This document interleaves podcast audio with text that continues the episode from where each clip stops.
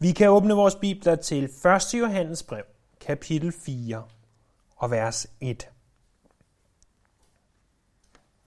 Og nej, det er ikke som den prædikant, der øh, søndag efter søndag blev ved med at prædike den eksakt samme prædiken. Og efter en 3-4 søndage, så begyndte folk at komme op og sige til ham, øh, var det ikke det, du sagde sidste søndag? Og øh, prædikanten så måtte sige, jo, og jeg bliver ved med at prædike den samme prædiken, indtil I begynder at gøre, øh, hvad jeg siger. Det er ikke det, der er tilfældet her, men det er korrekt, at de sidste to gange, vi har mødtes øh, om 1. Johannes brev, har jeg også sagt, lad os åbne vores bibler til 1. Johannes brev, kapitel 4, vers 1. Og lad os blive mindet om, hvad der står der i, i de første tre vers. Mine kære, tro ikke på enhver ånd, men prøv om ånderne er af Gud, for der er gået mange falske profeter ud i verden. Derpå kan I kende Guds ånd. En hver ånd, som bekender, at Jesus er Kristus, kommet i kød, er af Gud. Men en hver ånd, som ikke bekender Jesus, er ikke af Gud, og det er antikrist ånd. Og I har hørt, som I har hørt skal komme, og som allerede nu er i verden. Øh, det, som vi specifikt har fokuseret på, det er de her få ord. Jesus er Kristus kommet i kød. Det har vi gjort, fordi at der står her, at vores holdning til, om vi tror på, at Jesus er kommet i kød, om Jesus blev menneske, om Gud blev menneske, at den holdning, at den forståelse er afgørende for vores frelse. Det er det, som, som Johannes han skriver her. Emnet overordnet set i teologien om, at Jesus er kommet i kød, det kalder vi for kristologien, eller læren om Kristus. Og det vi har set på, det er for det første, at, eller vi så på, det er, at Jesus er Gud. Øh, vi så det igennem det gamle testament, Øh, vi så det igennem det faktum, at Jesus udviser guddommelig karaktertræk. Han er evig, han er uforanderlig og alle steds nærværende. Vi så også igennem hans guddommelige gerninger, at han er Gud. Det var for eksempel, at han var med til at skabe, at han tilgav og at han opstod. Og så så vi, at han var Gud igennem de nytestamentlige udsagn, der gives derom. For det andet så vi øh, sidste gang, at måden, hvorpå at Jesus han kom i kødet, det var ved jomfrufødslen. Øh, der står, at ordet blev kød og tog bolig blandt os. Og det tidspunkt, hvor ordet blev kød, det var i Bethlehem. På det, som vi kalder for julenat. Øh, da inkarnationen, altså det, at Jesus kom i kød, var sket, der var det permanent. Så på det tidspunkt, den, lad os bare blive ved med at kalde den julenat, der blev treenighedens anden person menneske. Og det bliver han ved med at være, og det er han til stadighed. Nu er han det ikke i et læme helt som vores, men i et opstandelseslæme. Så Jesus er stadig kød. Øh, selve fødslen var ikke det mest specielle. Den var egentlig ganske normal det, der var mest specielt, var måden, hvorpå Maria blev gravid. Og vi så på det i Matthæus kapitel 1 og i Lukas kapitel 1. Og vi så, at hun blev gravid ved Helligånden. Øh, vi så også, hvorfor at jomfrufødslen var vigtig. Øh, det var den, fordi den afspejler vores syn på Guds ord og på det mirakuløse. Hvis vi tror på, at jomfrufødslen er mulig, mm, så har vi heller ikke svært ved at tro på, at Bibelen er Guds ord og at det mirakuløse er sandt. Det er også vigtigt, fordi det nu engang var den måde, hvorpå Jesus valgte at komme til jorden. Og den er også vigtig for det tredje, fordi den viser os, at Guds søn, at Jesus er unik. Ingen andre er blevet født af en jomfru, øh, som det beskrives, at Jesus blev det. Da Jesus nu var født i Bethlehem, så var han kommet i kød. Og, og, og vi skal i dag se på, hvad det er, og det skal vi gøre ved at besvare, eller forsøge at besvare to spørgsmål. Det første spørgsmål er, hvorfor var det overhovedet nødvendigt, at han kom i kød? For det andet, hvad vil det sige, at han kom i kødet?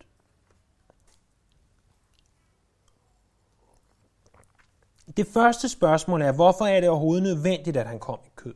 Og, og inden øh, så vi ser på det, så lad, os, så lad os blive mindet om, hvorfor det er, at Johannes han overhovedet begynder at beskrive det her. Jesus Kristus er kommet i kød. Tro ikke på en værv.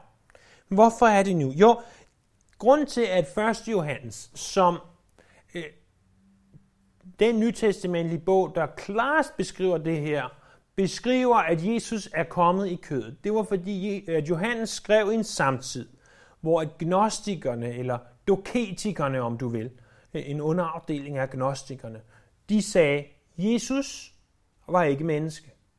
Han var kun Gud. Øh, det sagde de, fordi at de mente, at alt materielt, altså kød og knogler og træ og papir og alt muligt andet, det er ondt. Og hvis Gud er kommet til den her jord, så kan han ikke være noget materielt, for alt materielt er jo ondt.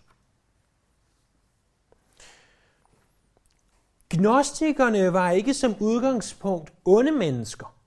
Det var ikke fordi, de sagde, at vi vil få kristendommen til at forsvinde. Nej, tværtimod øh, tror jeg, at, at vi skal se på dem som nogen, der faktisk stod fast på, at Jesus er Gud. De sagde, prøv at høre, Jesus er Gud, det er så vildt, og det vil vi stå fast på. Og vi kan ikke tro på, at han samtidig var et menneske. Med andre ord, de havde faktisk de rette motiver, men de havde ikke ret. De havde de rette motiver, men de havde ikke ret. Og her er der en vigtig pointe for os i dag. Fordi vi har alle forsøgt og prøvet at have de rette motiver uden at have ret. Men lad os lige prøve kort at fokusere på et område, hvor gnostikerne de havde de rette motiver, men ikke havde ret. Det var i det teologiske. Øh, der er masser af steder i livet, hvor vi kan have de rette motiver, men vi ikke har ret. Men her specifikt er det altså det teologiske, hvor de tog fejl. Øh, et eksempel. Fra min barndom, så havde jeg fået den fejlopfattelse, at når vi døde, så blev vi til engle. Men det er ikke det, Bibelen lærer os. Øh, det var jo ikke fordi, at jeg vil underminere Guds rige, eller at jeg øh, specifikt ville gå ud og forkynde vranglærer, men jeg var kommet til den opfattelse, at den dag vi døde, så blev vi engle, og måske en dag vi fik vinger eller andre ting. Men på et tidspunkt, så blev jeg klar over, at det er ikke det, som Bibelen siger. Øh, og det her, det er jo en ganske banal ting. Det er ikke noget, som vores frelse afhænger af, eller ej, hvorvidt vi tror på, at vi bliver til engle, når vi dør. Øh, det er bare et illustration til at illustrere, at vi har alle sammen ting, vi har lært på et tidspunkt. Det kan være i folkeskolen, det kan være øh, i søndagsskolen, det kan være fra vores forældre, som øh, er fejlagtige, rent teologisk. Og, og de ting, vil vi være nødt til at rette ind. Der kan være ting, som øh, der er sagt fra en, en talerstol, som du har fejlopfattet, eller er blevet sagt forkert. Selvfølgelig vil alle prædikanter indimellem få sagt noget, som enten er så kluntet, så du misforstår det, eller som er direkte forkert. Og helt sikkert er der ingen af os, der ejer den fulde sandhed. Der er simpelthen ingen af os, der har øh, hverken de fysiske eller de åndelige evner til at vide alt om Gud. Han har heller ikke åbenbaret alt, eller om Bibelen for den sags skyld. Og det er også derfor, at det stadigvæk er nødvendigt for os alle, uanset om vi er 6, 16 eller 60 år gamle, at blive ved med at lære om ham. Og sige, jeg ved stadigvæk ikke det hele. Og Gud, giv mig lyst til at vide, hvem du er. Giv mig en, en umættelig lyst til at lære mere om dig, til at kende dig bedre. Men spørgsmålet til os alle, når vi bliver stillet over for det, som gnostikerne var stillet over for, det er, er vi villige til at lære? Er vi villige til at lytte? Er vi villige til at se, hvad Bibelen siger om et givet emne og sige, okay, det kan godt være, at jeg fra barns ben lærte, at Jesus er Gud, og derfor kan han ikke samtidig være menneske. Men det er forkert, det er vranglærer. Jeg bliver nødt til at rette ind. Eller Det kan også være mindre væsentlige ting. Men jeg tror faktisk, at det her er vigtigt for os alle, at sige, gnostikerne var ikke forfærdelige mennesker, der ville udslette kristendommen, men de var mennesker, der havde taget fejl. Og ligesom at du og jeg kan tage fejl, og når vi tager fejl, er vi så villige til at lade os retlede. Og, og det gælder jer såvel som mig selv. Så øh, lad os altid komme til Bibelen med, med et åbent sind og med lyst til at lytte til ham og lyst til at lade os rette ind.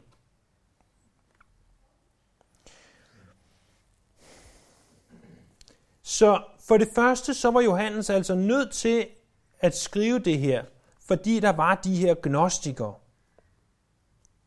For det andet, øh, så var han, så valgte han at skrive det her, øh, fordi at Jesus øh, kunne ikke bare komme i kød på samme måde, som Gud viser i det gamle testamente. Så det var nødvendigt for Jesus at komme i kødet, fordi at han ikke bare kunne komme på samme måde som i det gamle testamente. I det gamle testamente, der når Gud viser, så viste han sig for eksempel som en sky eller en ild, øh, eller noget i den retning. Noget, som var så ophøjet, så folk ikke turde nærme sig. For det andet, så viste han sig ind imellem som Herrens engel. Det var til specifikke individer, såsom Abraham og Lot.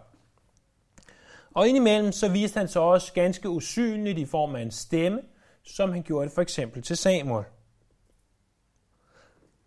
Men svaret på vores første spørgsmål, hvorfor var det overhovedet nødvendigt, at han kom i kødet? Jamen, det er, at hvis alle mennesker skal have muligheden for uhindret adgang til Gud, så var Gud nødt til selv at træde ind i historien og blive menneske. Og det er næsten som at fortælle den samme historie eller vidighed for 1700 gange, men det er noget, vi nyder at gøre i min familie, så nu øh, vil jeg gøre det igen. I har hørt den temmelig sikkert hørt historien før, jeg skal lade være med at gøre den alt for, for levende og illustrativ, men en måde, man kan illustrere vigtigheden af, at Gud var nødt til at blive menneske, det er den her historie for julen, hvor en mand, der ikke kunne lide julen, siger, jeg vil ikke med jer familie i kirke, og han sidder derhjemme, og pludselig banker det på roden, og det er nogle små fugle, og han kan se, at de fryser og tænker, hvis bare fuglene kunne komme over i laden, så kunne de have det varmt og godt. Og han går ud og forsøger at få fuglene over i laden. Problemet er bare, en lille bitte pipfugl sammenlignet med en stor grænvoksen mand, øh, der vil fuglen forsøge at slippe væk, ikke gøre, hvad han siger. Øh, og han forsøger at smide brødkrummer ud og skræmme dem derhen og gøre alle mulige forskellige ting. Og endelig og til sidst, øh, så tænker han, hvis bare jeg kunne blive en fugl, så kunne jeg fortælle dem, at jeg røg i laden, og der er varmt og godt at være. Og øh, for at gøre historien rigtig fantastisk, så er det samme, så ringer kirkeklokkerne, og så ved han, hvorfor det er, man fejrer jul, hvorfor Gud måtte blive menneske. Jamen det er jo netop derfor. Fordi at Gud er så meget større end os, at han kan ikke bare skræmme os ind i himlen. Vi kan ikke forstå, hvad det er, han vil sige. Derfor måtte han blive en af os, så han kunne komme og fortælle os, at her er varmt og godt at være. Her er rart at være. Og øhm, det er altså svaret på det første spørgsmål. At hvis alle mennesker, ikke bare nogle få individer, så som Abraham eller andre måtte have et, eller Moses eller andre måtte have et møde med Gud, så var Gud nødt til at blive menneske, træde ind i verdenshistorien og blive kød, således at han kunne kommunikere med os. Det andet spørgsmål og sidste, det er, hvad vil det sige, at han kom i kødet? Og det tager lidt længere tid at besvare end det første. Det vil for det første sige, at han blev født som et menneske. Og vi er enige om, at måden, hvorpå han blev undfanget, den var ganske unik ved Helligånden. Men faktisk derefter, øh, så er hvad der sker for Jesus relativt normalt. Han blev født, mens, han var på, mens hans forældre var på farten. Okay, han blev født i en stald, der var en krybbe, øh, og det er da selvfølgelig ikke noget, vi hører om så tit, og det er jo i hvert fald har vi gjort det til relativt romantisk, men det er jo ikke fordi, at den del er fuldstændig unik. Vi har hørt om fødsler på bagsædet af en bil, eller en ambulance, eller på badeværelsesgulvet, eller andre steder, som er specielle omstændigheder. Jesus blev født under specielle omstændigheder, men det er ikke egentlig det, der er det mest unikke. Så havde Jesus også en faktisk relativt moderne familie. Han havde en mor, han havde en slags papfar, en stefar, og så havde han en række halssøskende. Vi øh, er også temmelig sikre på, at han havde fædre, og formodentlig også, selvom der ikke, de ikke står beskrevet, kusiner. Han havde et stamtræ.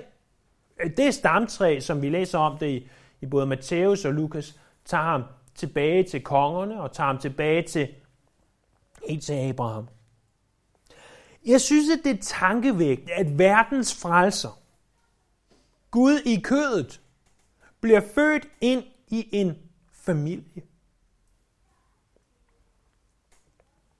Og endda en familie, som levede under relativt fattige kår. Vi så i onsdags i 3. Mosebog, hvordan Maria måtte øh, ofre, nøjes med at ofre to fugle, og ikke et lam og en fugl i det, at hendes renselsesperiode hvor hvilket vidner om, at hun ikke havde voldsomt mange penge. Eller de havde voldsomt mange penge. De, øh, han voksede op i en, en lille, mindre landsby, øh, ikke måske i, øh, i det, man vil kalde udkants Israel, øh, hvis man kan bruge det udtryk, men, men alligevel en, en landsby, jeg læste her til morgen, mellem 1200 og 1600 mennesker estimerer man, der boede i Nazareth på det tidspunkt. Øh, den lå øh, som en cirka 5-6 km fra den noget større by Sepphoris, men, men stadigvæk han voksede op et ubetydeligt sted sammenlignet med Jerusalem.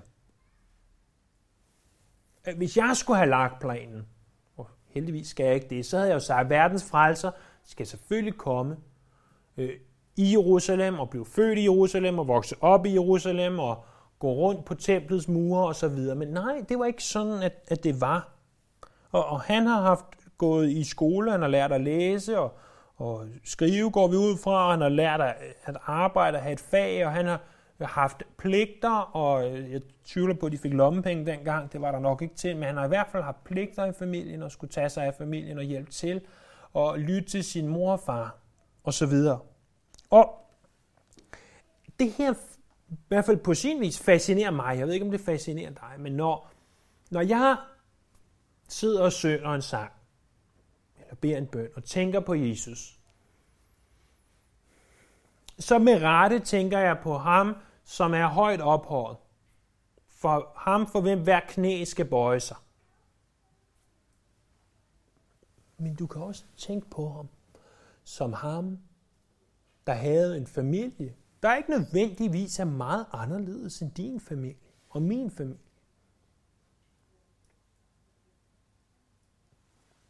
Og venner, det lærer os noget ganske særligt. Det er, at en familie er en god ting.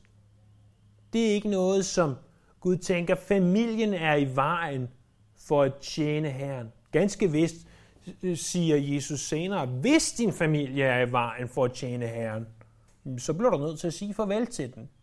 Men han siger primært, at familien er noget, som kan være en del af vores liv, og som kan fungere sammen med os. Prøv gang at slå op i Lukas kapitel 2. Lukas evangeliet kapitel 2.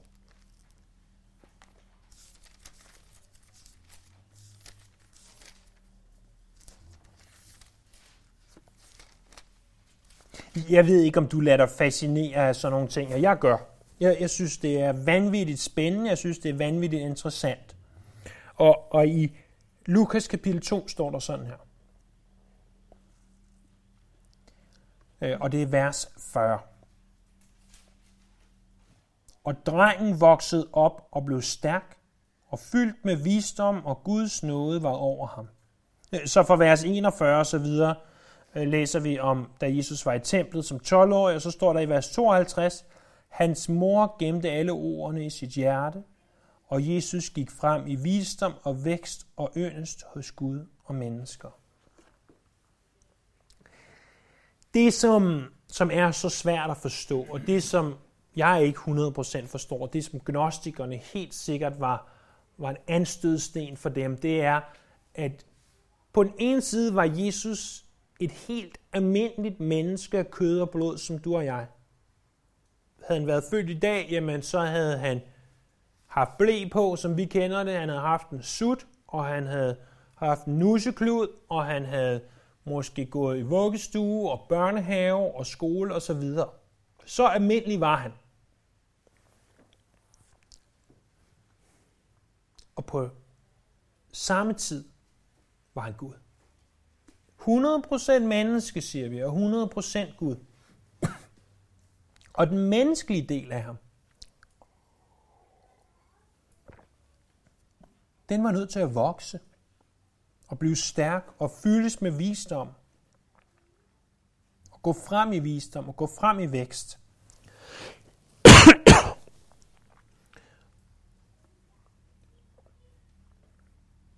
Det, det er den Jesus.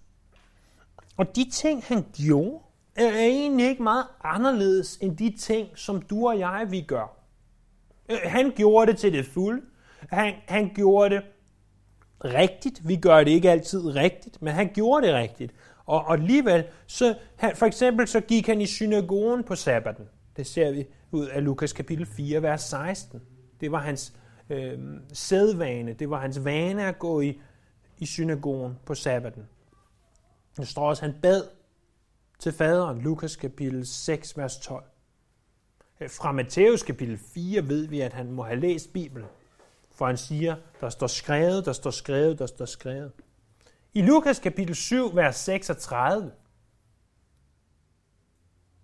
der ser vi den her højt ophøjet, åndelige, øh, virkelig dybe sandhed. Han spiste mad. Ligesom du og jeg indtager vores måltider, så indtog vores herre også helt almindelige måltider. Og så måske den, den mest fantastiske af dem alle sammen, det er fra Markus kapitel 4, vers 38. Det er der, hvor Jesus ligger og sover på en høne i båden.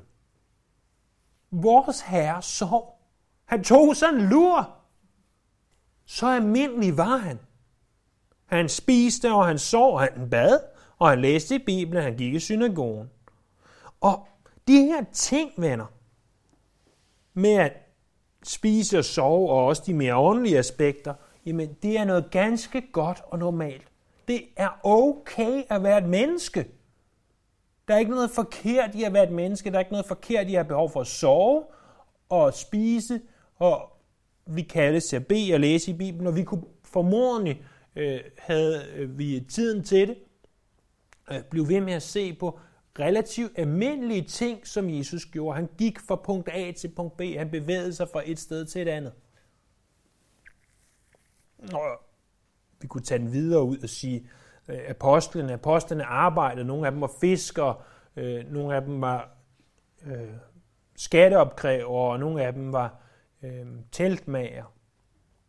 At ganske almindelig dagligdags ting. Men vores herre, han gjorde altså de her ting. Og der, hvor jeg så synes, det bliver rigtig fascinerende, det er, når vi begynder at se på de følelser, som Bibelen beskriver, Jesus han udviser. Lad mig ramse nogle op først, og så tage to derefter, som jeg vil fokusere specielt for. Dem vi kan ramse op, det er for eksempel, at han udviser kærlighed, Johannes 13:23.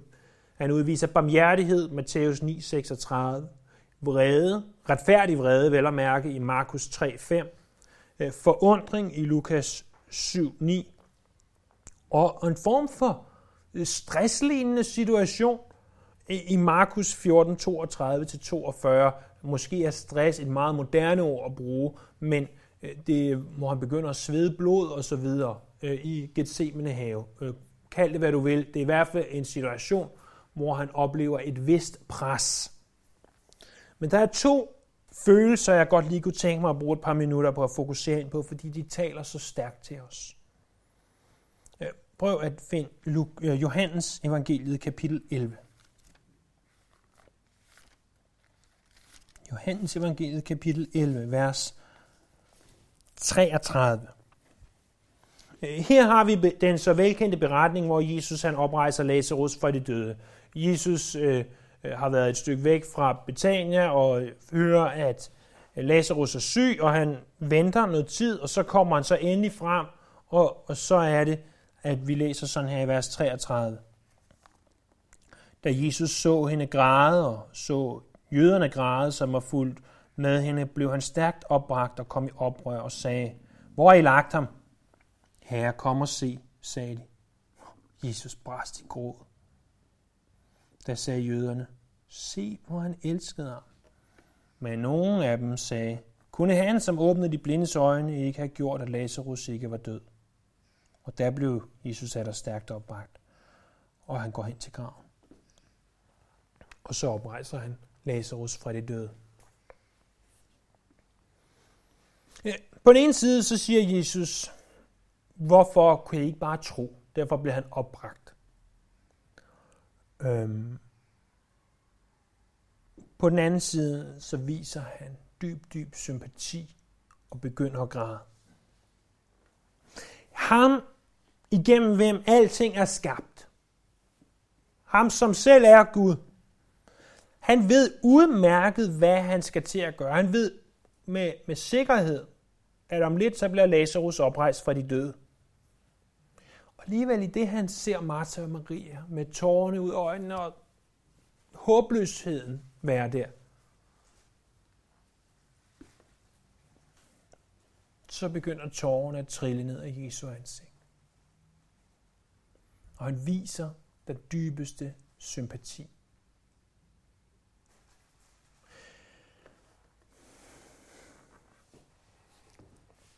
Jeg ved oprigtigt ikke, om nogen af jer I går og, og skjuler på, på en sorg, som, som jeg ikke ved noget om. Jeg tror ikke, det er tilfældet, men, men hvis det er, og hvis nogen lytter til det her, som, som føler sådan en dyb sorg, må du så vide, at vores Gud udviser den dybeste medfølelse.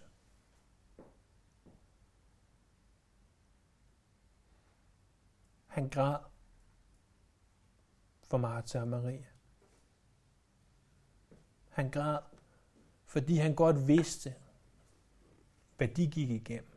Ja, ikke for Lazarus, for Lazarus skulle snart til at opstå fra de døde igen. Men, men for dem, som græd. Og vi kaldes til at græde med de grædende. Vi kaldes til at udvise sympati. Men Gud blev menneske, så han kunne udvise sympati, som vi kan forstå. Hvis I bladrer på sider af jeres bibler til kapitel 15, vers 11. Her befinder vi os nu på skær torsdag aften. Den sidste aften, inden Jesus bliver korsfæstet. Og han holder sin tale i værelset ovenpå. Og her står der i kapitel 15, vers 11. Sådan har jeg talt til jer, for at min glæde kan være i jer, og jeres glæde bliver fuldkommen. Det er temmelig interessant, at i Johannes evangeliet fremkommer ordet glæde blot én gang før kapitel 15. Herefter fremkommer det seks gange. Og jo tættere Jesus kommer på korsfæstelsen, jo tættere, øh, jo mere taler han egentlig om glæde. Øh, det er jo selvfølgelig ikke nødvendigvis den form for glæde, vi tænker på, men vi ved, at åndens frugt er kærlighed. Og ud af kærligheden kommer glæde.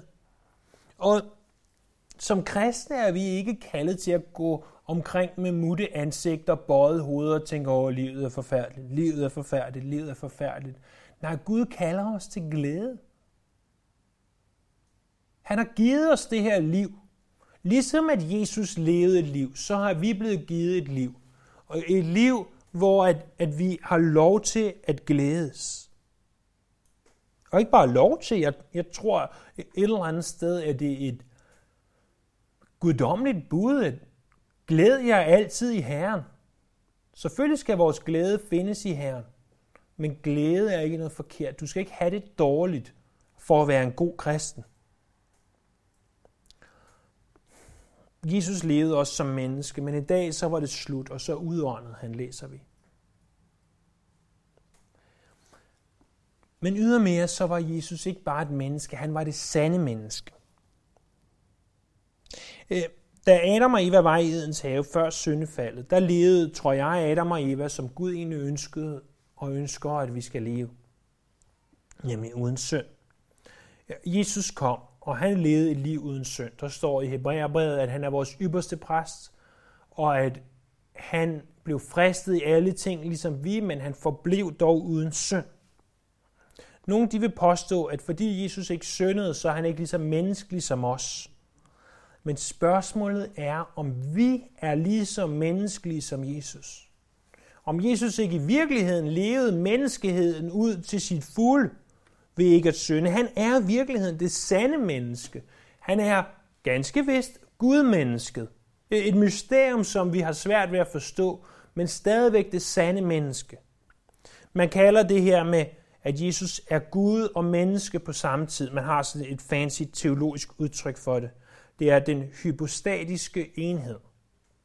Så øh, hvis du godt kunne tænke dig at vide mere om det her og studere det dybere, mm, så er det, du skal øh, undersøge, altså den hypostatiske enhed, eller på engelsk the hypostatic union.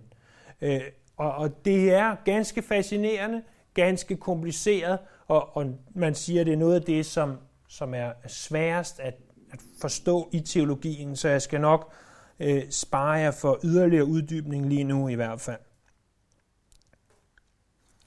Men vi kunne godt tale væsentligt mere om alt det her. Vi kunne gå ind i hver af skriftstederne og se på dem. Hvad var det, Jesus gjorde? Hvad var det, han ikke gjorde? Men de ting, jeg godt vil have, vi tager med os herfra, det er, at Gud blev menneske, således han kunne betale for hele verdens synd.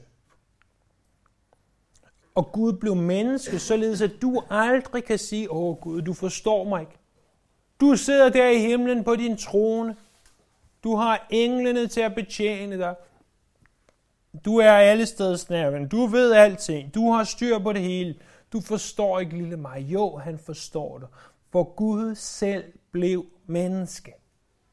Han ved godt, hvad det vil sige at blive fristet. Han ved godt, hvad det vil sige at vokse op i en familie. Han ved godt, hvad alle de her ting vil sige.